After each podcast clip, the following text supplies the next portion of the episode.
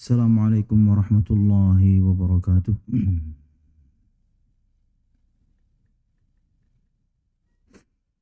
إن الحمد لله نحمده ونستعينه ونستغفره ونعوذ بالله من شرور أنفسنا ومن سيئات أعمالنا. من يهده الله فلا مضل له ومن يضلل فلا هادي له. أشهد أن لا إله إلا الله وحده لا شريك له وأشهد أن محمدا عبده ورسوله. قال الله تعالى في القرآن الكريم أعوذ بالله من الشيطان الرجيم. يا أيها الذين آمنوا اتقوا الله حق تقاته ولا تموتن إلا وأنتم مسلمون. يا أيها الناس اتقوا ربكم الذي خلقكم من نفس واحدة وخلق منها زوجها وبث منهما رجالا كثيرا ونساء واتقوا الله الذي تساءلون به والأرحام إن الله كان عليكم رقيبا. يا أيها الذين آمنوا اتقوا الله وقولوا قولا سديدا. يصلح لكم أعمالكم ويغفر لكم ذنوبكم ومن يطع الله ورسوله فقد فاز فوزا عظيما. فإن أصدق الحديث كتاب الله وخير الهدي هدي محمد صلى الله عليه وسلم وشر الأمور محدثاتها فإن كل محدثة بدعة وكل بدعة ضلالة وكل ضلالة في النار أما بعد Hadirin dan hadirat Bapak Ibu jamaah sekalian rahimakumullah. Alhamdulillah segala puji dan syukur marilah kita haturkan kepada Allah Subhanahu wa taala. Kemudian salawat serta salam semoga selalu tercurah kepada junjungan besar Nabi kita Muhammad sallallahu alaihi wasallam juga beserta para sahabatnya, keluarganya dan segenap kaum muslimin yang selalu istiqamah berpegang teguh dengan Islam sampai hari kiamat kelak. Hadirin dan hadirat Bapak Ibu jamaah sekalian rahimakumullah melanjutkan bahasan kita pada kitab Ahwalul Mustafa karya Syekh Muhammad bin Saleh Al-Munajjid hafizahullahu taala.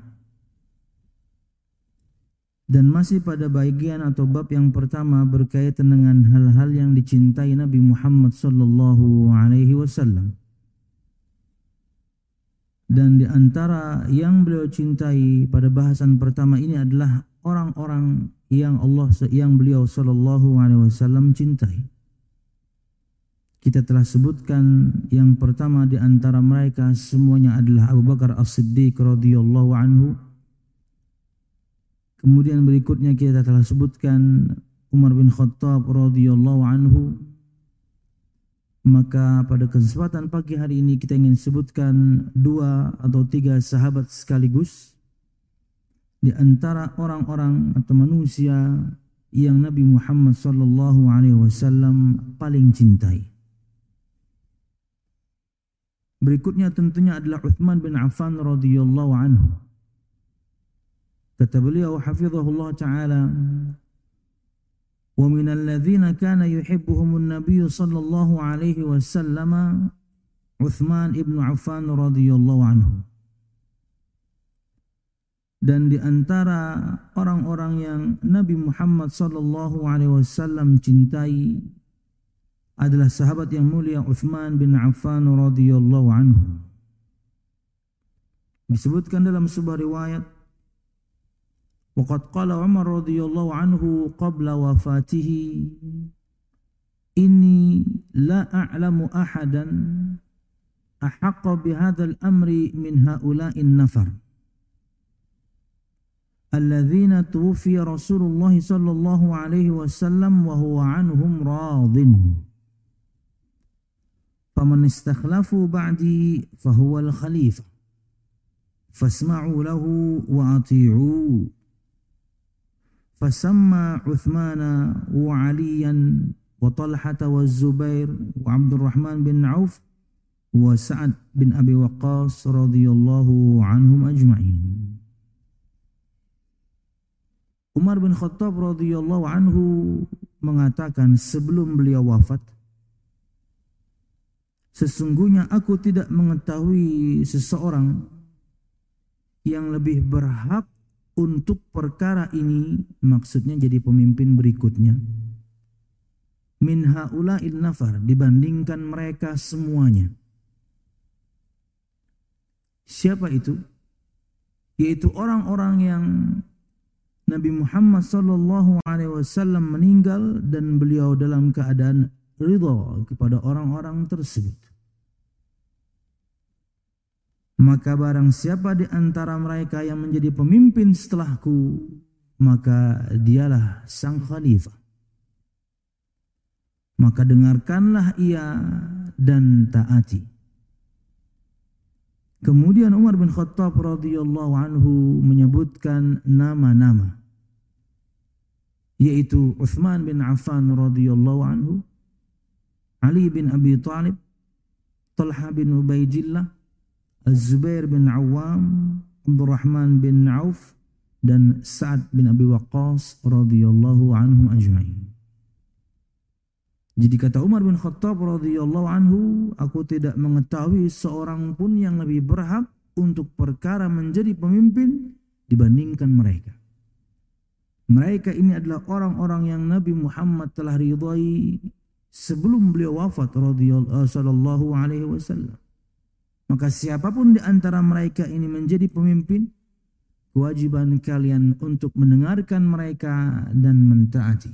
Dan Umar bin Khattab radhiyallahu anhu mengatakan nama Uthman nomor satu. Sinyal tentunya dari beliau radhiyallahu anhu sama seperti sinyal yang Nabi Muhammad sallallahu alaihi wasallam berikan kepada Abu Bakar As-Siddiq radhiyallahu anhu.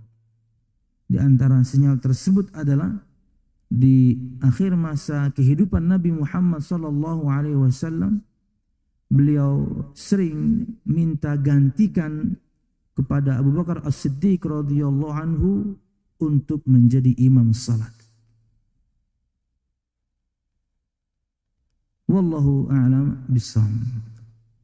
Kemudian jamaah sekalian rahimakumullah kata beliau di sini waqad zawajahu an-nabiy sallallahu alaihi wasallam ibnatayhi Ruqayyah wa Umm Kulthum. Dan Nabi Muhammad sallallahu alaihi wasallam di antara bentuk cinta Nabi Muhammad kepada Uthman dan Nabi Muhammad sallallahu alaihi wasallam telah menikahkan dua anak perempuannya kepada Uthman bin Affan radhiyallahu anhu. Yang pertama Ruqayyah, yang kedua adalah Ummu Kulthum. Tentunya tidak bersamaan. Setelah salah satu di antara mereka meninggal, kemudian Nabi Muhammad menikahkan berikutnya dengan Uthman bin Affan radhiyallahu anhu. Makanya di antara gelar yang dimiliki oleh Uthman bin Affan radhiyallahu anhu adalah Dhunnurain orang yang memiliki dua cahaya. Yang dimaksudkan dengannya adalah dia menikahi dua anak Nabi Muhammad sallallahu alaihi wasallam. Umar bin Khattab radhiyallahu anhu di antara sahabat yang ingin sekali untuk bahasa kita itu bewarangan atau menjadikan Nabi Muhammad mertuanya, Umar bin Khattab. Dan memang beliau radhiyallahu anhu juga mendapatkannya karena beliau menikahi yakni uh, sorry uh, di antara orang yang ingin memiliki hubungan kekerabatan dengan Nabi Muhammad adalah Umar bin Khattab radhiyallahu anhu. Dan beliau tak taunya menjadi mertua Nabi Muhammad sallallahu alaihi wasallam. Sama juga dengan Abu Bakar As-Siddiq radhiyallahu anhu dia adalah mertua Nabi Muhammad sallallahu alaihi wasallam. Jadi orang-orang terbaik muter di situ-situ aja di antara kasus yang unik untuk Umar bin Khattab radhiyallahu anhu adalah ketika Hafsah suaminya meninggal. Umar bin Khattab radhiyallahu anhu mencarikan suami untuk Hafsah. Dan ini di antara sunnah, yakni as-salafus salih. Seorang ayah mencarikan suami untuk anak perempuannya. Dia mencari laki-laki terbaik untuk anak perempuannya. Dan dia menawarkan Hafsah kepada Abu Bakar As-Siddiq radhiyallahu anhu. Dan Abu Bakar As-Siddiq radhiyallahu anhu tidak merespon dalam artian hanya diam. Tidak mengiyakan, tidak juga ada penolakan, tapi diam. Kemudian Umar bin Khattab radhiyallahu anhu juga menawarkan Hafsah kepada Uthman. Dan kemudian dia dapatkan perkara yang sama. Uthman hanya diam, tidak mengiyakan menerima, tapi juga tidak ada kata penolakan. Tak taunya kemudian singkatnya disebutkan dalam Sahih Muslim sejarah ini atau riwayat ini. Nabi Muhammad wasallam lah yang menikahi Hafsah radhiyallahu anha.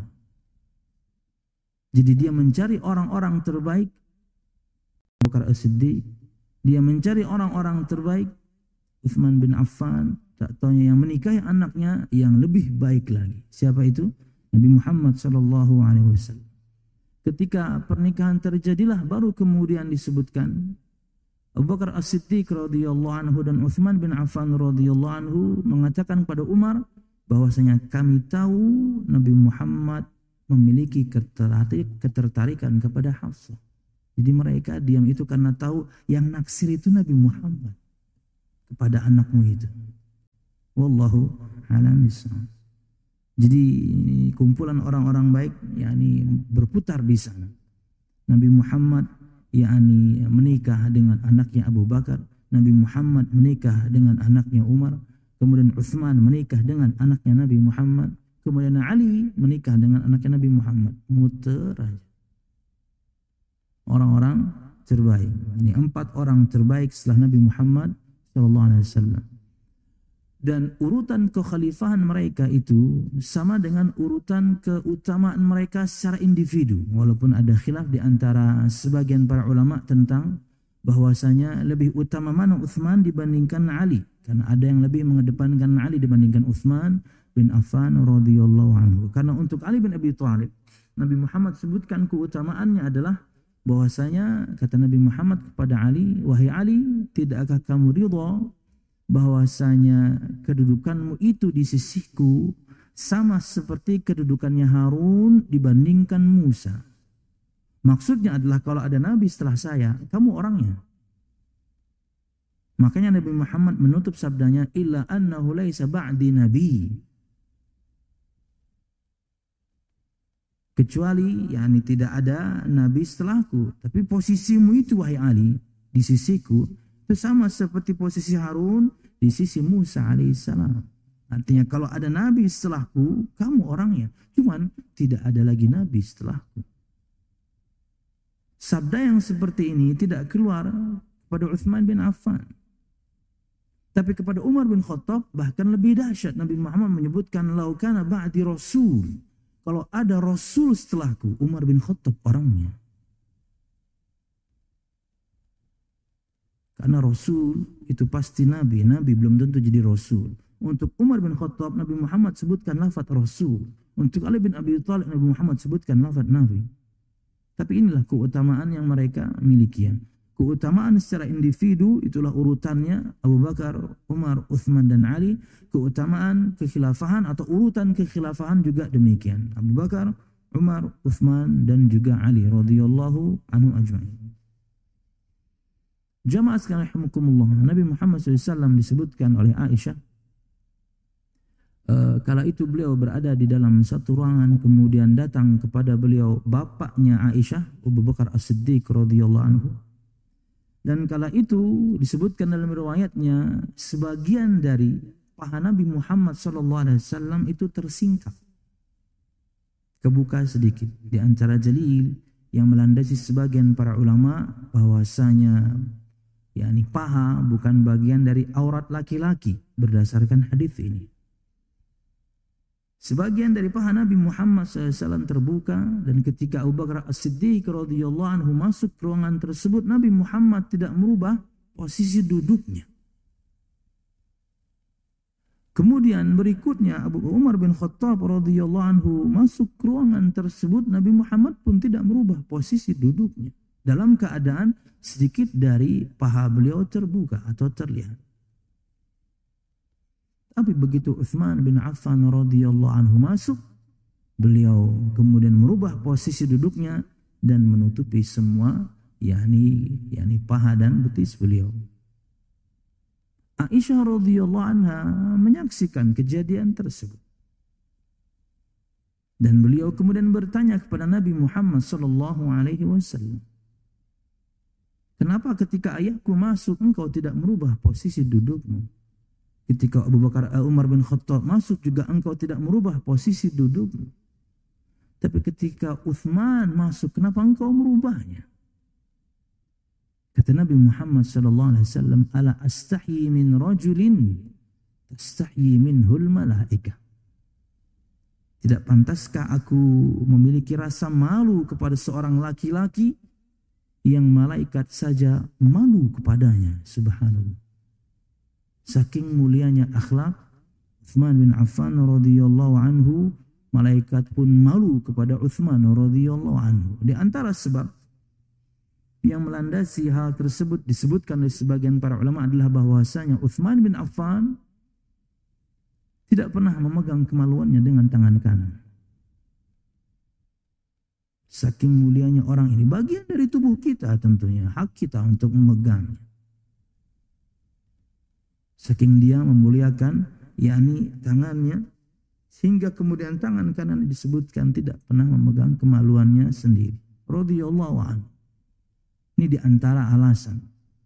Perlu penelusuran tentunya. Hingga sedetail itu para ulama mengetahui bagaimana pribadi Uthman bin Affan radhiyallahu anhu yang mulia.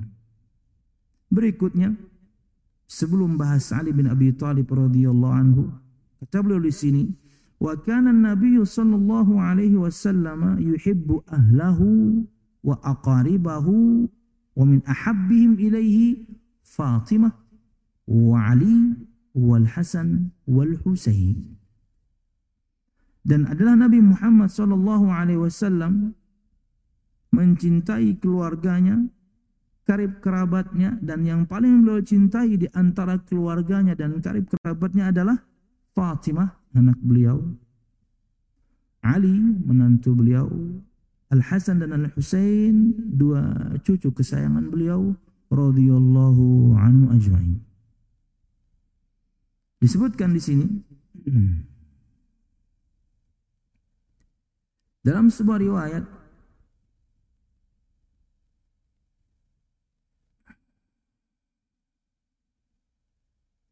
فعن علي بن أعبد رحمه الله قال قال لي علي رضي الله عنه ألا أحدثك عني وعن فاطمة بنت رسول الله صلى الله عليه وسلم وكانت من أحب أهله إليه. Dari Ali bin A'bud rahimahullah berkata Ali bin Abi Talib radhiyallahu anhu mengatakan kepadaku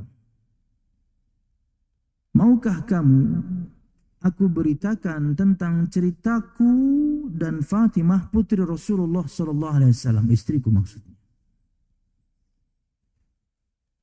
Dan Fatimah ini kata Ali bin Abi Thalib adalah di antara anak Nabi Muhammad sallallahu alaihi wasallam yang paling beliau cintai. Kita akan sebutkan nanti bagaimana yakni Nabi Muhammad memperlihatkan cintanya kepada Fatimah radhiyallahu anha. Tentunya beliau menyebutkan cerita atau di sini riwayatnya panjang, tapi intinya adalah kala itu Fatimah radhiyallahu anha pekerjaan rumahnya meminta kepada suaminya Ali bin Abi Thalib radhiyallahu anhu untuk meminta kepada Nabi Muhammad sallallahu alaihi wasallam untuk diberikan kepadanya seorang pembantu.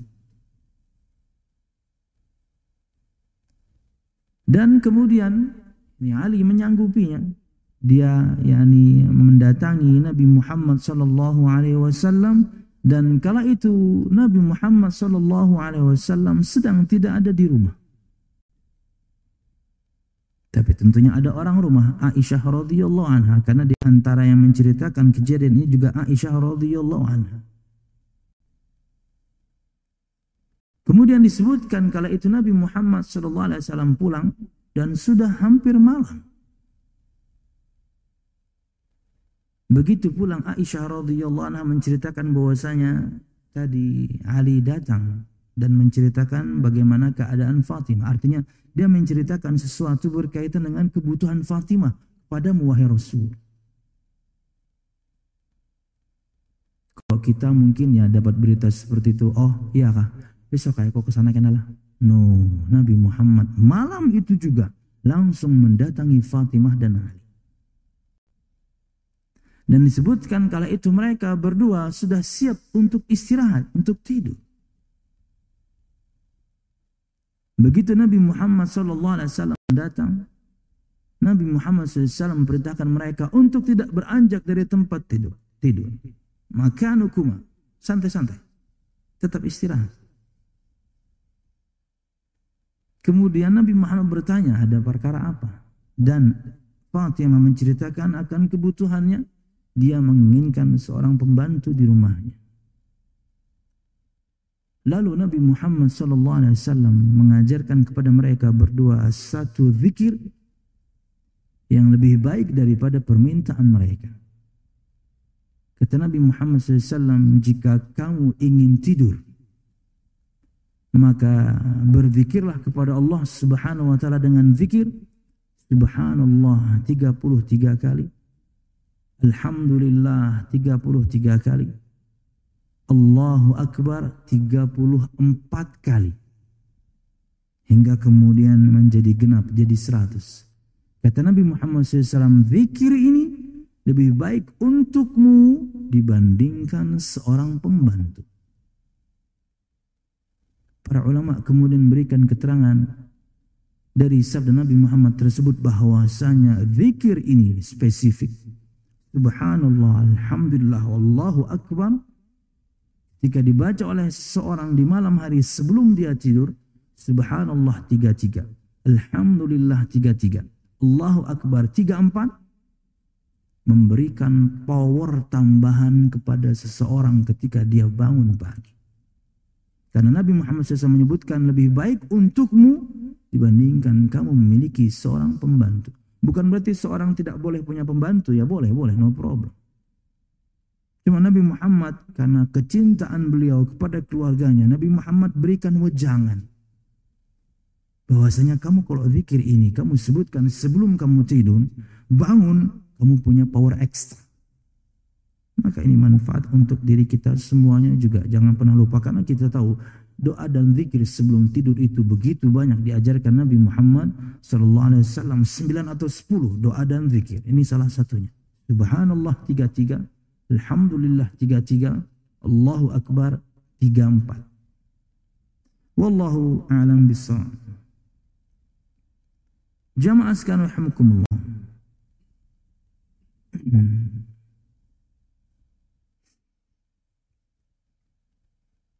Layaknya yakni banyak perempuan tentunya ketika mengerjakan pekerjaan rumah pasti ada rasa lelah kala itu yakni kenapa Fatimah sampai meminta pada Nabi Muhammad agar diberikan kepadanya pembantu karena ada cedera sedikit yang dia alami karena mengerjakan pekerjaan rumah karena tidak mungkin kemudian sekali berfatimah radhiyallahu anha bermalas-malasan tentu tidak. Karena ada sesuatu yang terjadi hingga kemudian dia butuh bantuan. Ada cedera tentunya disebutkan di tangannya.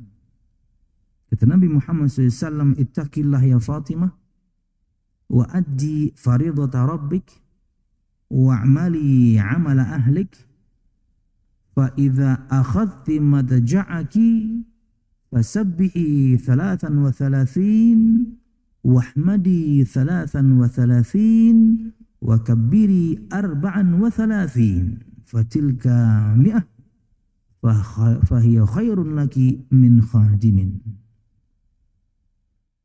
Bertakwalah kepada Allah Subhanahu wa taala wahai Fatimah anakku. Tunaikanlah kewajiban Tuhanmu dan tunaikanlah tugasmu di rumahmu.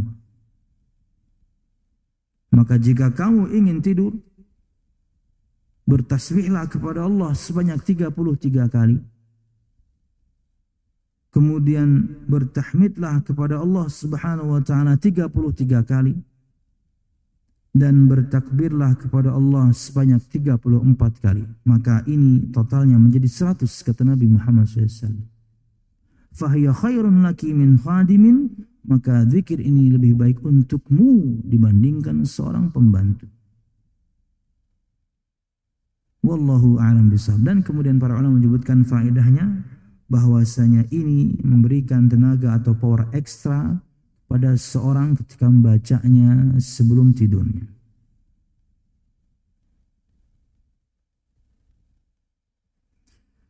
Al-Imam Al-Qurtubi memberikan faedah untuk yakni yakni zikir ini kata beliau rahimahullah taala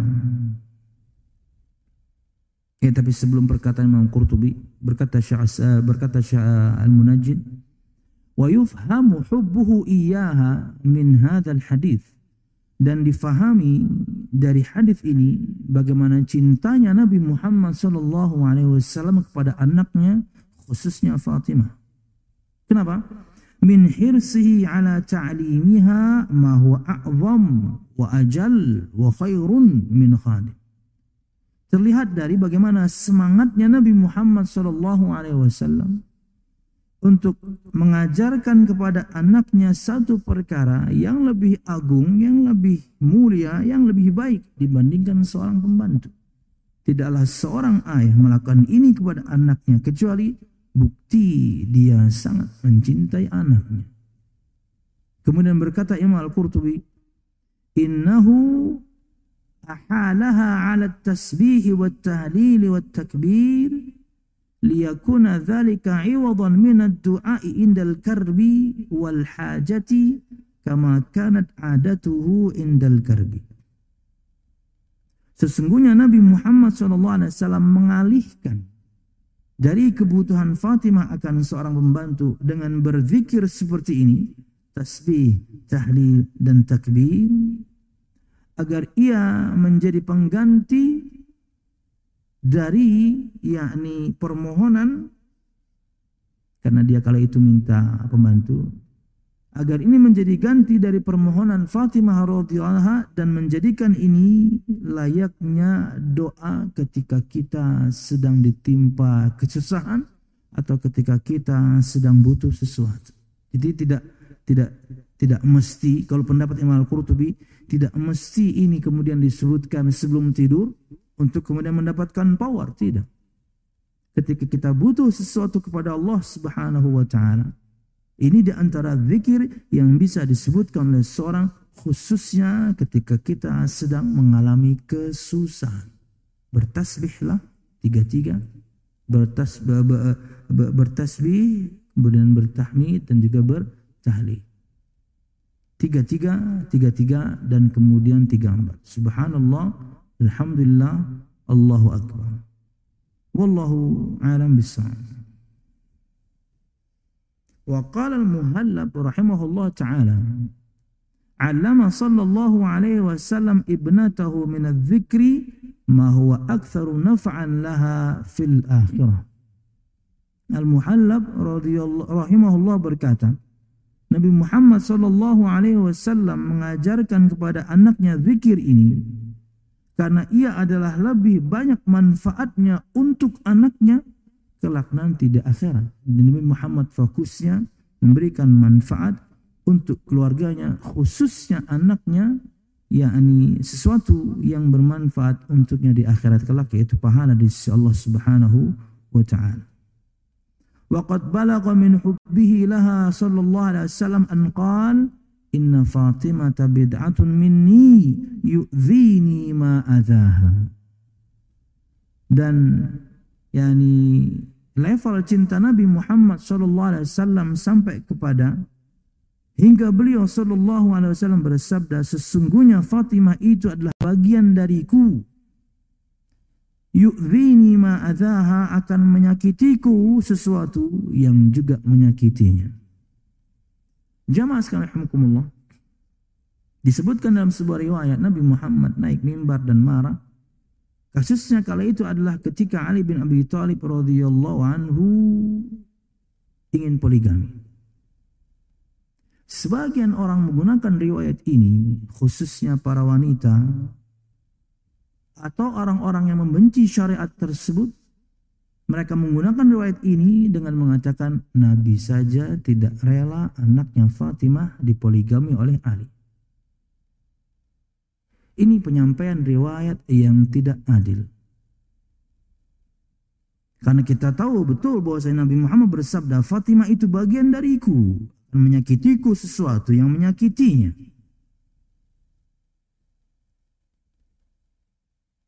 Kalau dihubung-hubungkan di antaranya adalah akan menyakiti Nabi Muhammad kalau Ali bin Abi Thalib radhiyallahu anhu kemudian menyakiti hati Fatimah dengan nikah lagi. Tapi tak tahunya perkaranya tidak seperti itu. Perempuan berikutnya yang akan Ali nikahi itu anaknya Abu Jahal. Kalau enggak anaknya Abu Jahal, Abu Lahab. Di antara dua tersebut. Karena Nabi Muhammad SAW marahnya itu dengan bersabda, tidak akan berkumpul dalam satu biduk rumah tangga anak Rasulullah dan anak musuh Allah. Potongan ini yang tidak disampaikan orang. Seorang wanita ketika dia tidak menyukai untuk diduakan itu fitrah, bawaan. Tapi jangan sampai kemudian Anda topang ketidaksukaan Anda itu dengan menyebutkan riwayat-riwayat sahih tapi tidak lengkap. Hingga kemudian orang salah faham. Oh Nabi Muhammad, karena saya saksikan ini langsung di TV. Di Ramadan tertentu seorang dai perempuan. Anda ketika tidak suka, Anda ketika tidak mau, semua wanita juga demikian, tapi itu bukan berarti dia kemudian mengingkari syariat. Karena itu fitrah seorang wanita. Tapi jangan kemudian ketidaksukaan Anda itu, dan itu fitrah, Anda dimaafkan dengannya. Anda topang dengan riwayat untuk membenarkan ketidaksukaan Anda. Nabi Muhammad saja marah ketika Fatimah ingin dipoligami Ali. Riwayatnya enggak lengkap. Siapa dulu perempuan yang akan dinikah Ali berikutnya? Itulah yang membuat Nabi Muhammad marah. Sallallahu alaihi wasallam. Ya kali Nabi Muhammad marah dengan syariat Allah. Orang paling sabar sedunia kemudian marah ketika seorang ingin menjalankan syariat. Mustahil. Sallallahu alaihi wasallam. Wallahu a'lam bishawab. Jamaah sekalian rahmukumullah. Dan yang terakhir, bagaimana Aisyah radhiyallahu anha menceritakan yakni bentuk cinta Nabi Muhammad sallallahu alaihi wasallam kepada Fatimah radhiyallahu anha. Disebutkan oleh Aisyah radhiyallahu anha bagaimana kemiripan Fatimah ini kepada Nabi Muhammad sallallahu alaihi wasallam. Di antara semua anak Nabi Muhammad SAW tentunya yang yakni yang sampai dewasa anak-anak perempuan beliau itu yang paling mirip dengan Nabi Muhammad itu Fatimah. Mirip dalam segala hal. Bahkan sampai mirip dengan cara berdirinya, cara duduknya, cara berjalannya. Sifat-sifatnya mirip sekali dengan Rasulullah sallallahu alaihi wasallam. Bahkan disebutkan kata Aisyah, "Wa kanat idza dakhalat 'ala nabi sallallahu alaihi wasallam qama ilaiha faqabbalaha wa ajlasaha fi majlisihi." Saking cintanya Nabi Muhammad kepada anak beliau yang satu ini, Fatimah. Juga saking cintanya beliau disebutkan beliau ketika Eh, di satu momen menceritakan kepada Fatimah radhiyallahu anha sesuatu. Nabi Muhammad berbicara berdua, kemudian yakni Fatimah yakni menangis, tapi setelah itu tiba-tiba kemudian dia langsung tersenyum. Fatimah yang menyaksikan penasaran dong, namanya juga perempuan ya. Kok begitu ya? Barusan nangis, tapi langsung kemudian setelah itu dia yakni tersenyum. Penasaran Aisyah. Daripada mati jadi hantu ya lo Maka kemudian dia bertanya, tadi Nabi Muhammad, eh, tentunya ini versi ulun. Tadi Nabi Muhammad menyampaikan apa kepadamu? Hingga kamu menangis, tapi kemudian kamu langsung tertawa.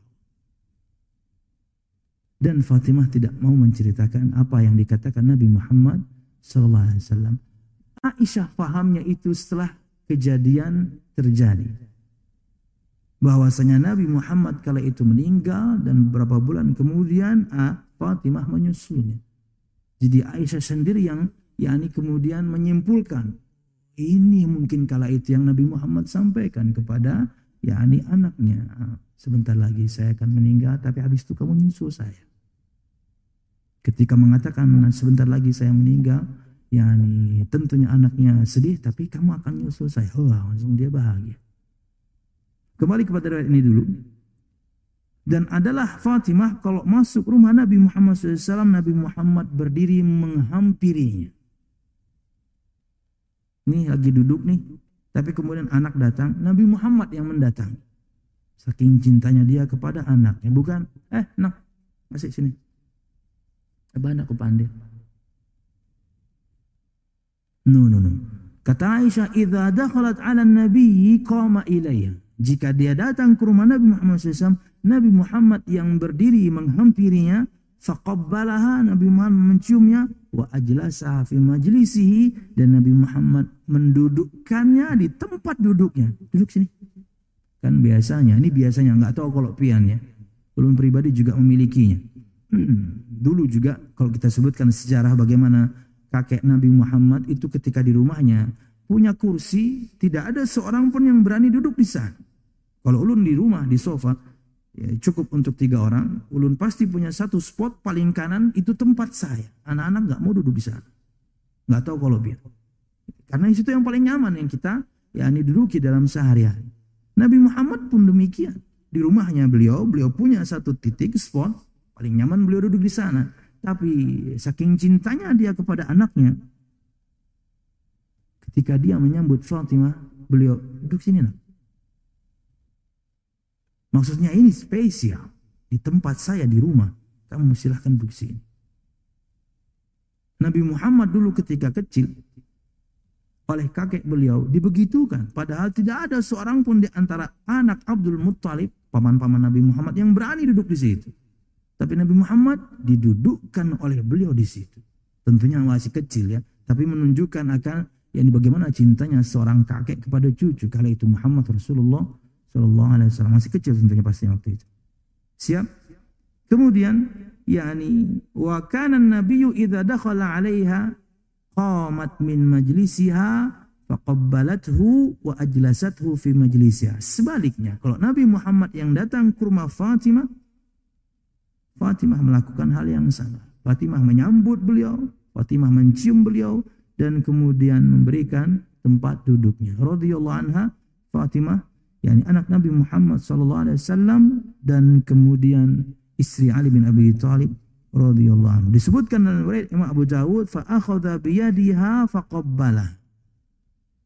Disebutkan dalam riwayat Abu Dawud keterangan Nabi Muhammad mencium Fatimah itu mengambil tangannya dan menciumnya.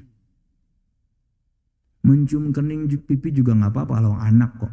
Tapi disebutkan dalam riwayat tambahan oleh Imam Abu Dawud, Nabi Muhammad meraih tangannya dan menciumnya. Bukan tunduk tidak ya. ya bagaimana yakni cium sayang seorang ayah kepada anak. Semua kita tahu. Kalau Nabi Muhammad kepada Hasan dan Husain itu cium gemes lah ya. Seorang kakek pada cucu. Tapi Nabi Muhammad perlihatkan kehadapan ya. Bagaimana gemesnya beliau kepada cucunya.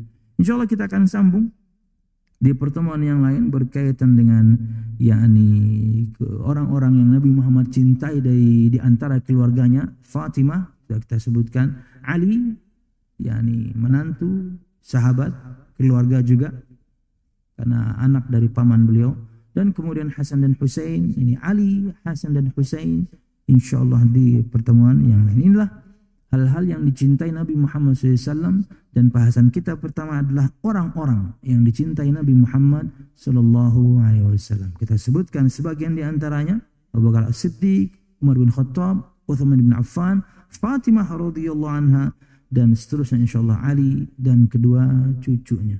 Ini yang bisa disampaikan dan bermanfaat salah dan khilaf. Mohon maaf. Artinya jamaah sekalian rahimakumullah kalau kita ingin mengambil faedahnya adalah bahwasanya orang-orang ini Nabi Muhammad cintai luar biasa sebagai bantahan untuk orang-orang yang na'udzubillah sampai level mengkafirkan Abu Bakar, mengkafirkan Umar, mengkafirkan Uthman. Nabi Muhammad mencintai mereka. Ini orang-orang yang Nabi Muhammad cintai. Masa anda malah na'udzubillah mengatakan mereka kafir. Padahal ini orang tercinta di hati Nabi Muhammad sallallahu alaihi wasallam. Wallahu a'lam Kita tutup dengan doa kafaratul majlis. Semoga Allah Subhanahu wa taala memberikan keberkahan kepada kita atas pelajaran yang kita pelajari bersama ini. Amin. Ya rabbal alamin. Subhanakallah wa bihamdika asyhadu an la ilaha illa anta astaghfiruka wa atubu ilaik. Wassalamualaikum warahmatullahi wabarakatuh.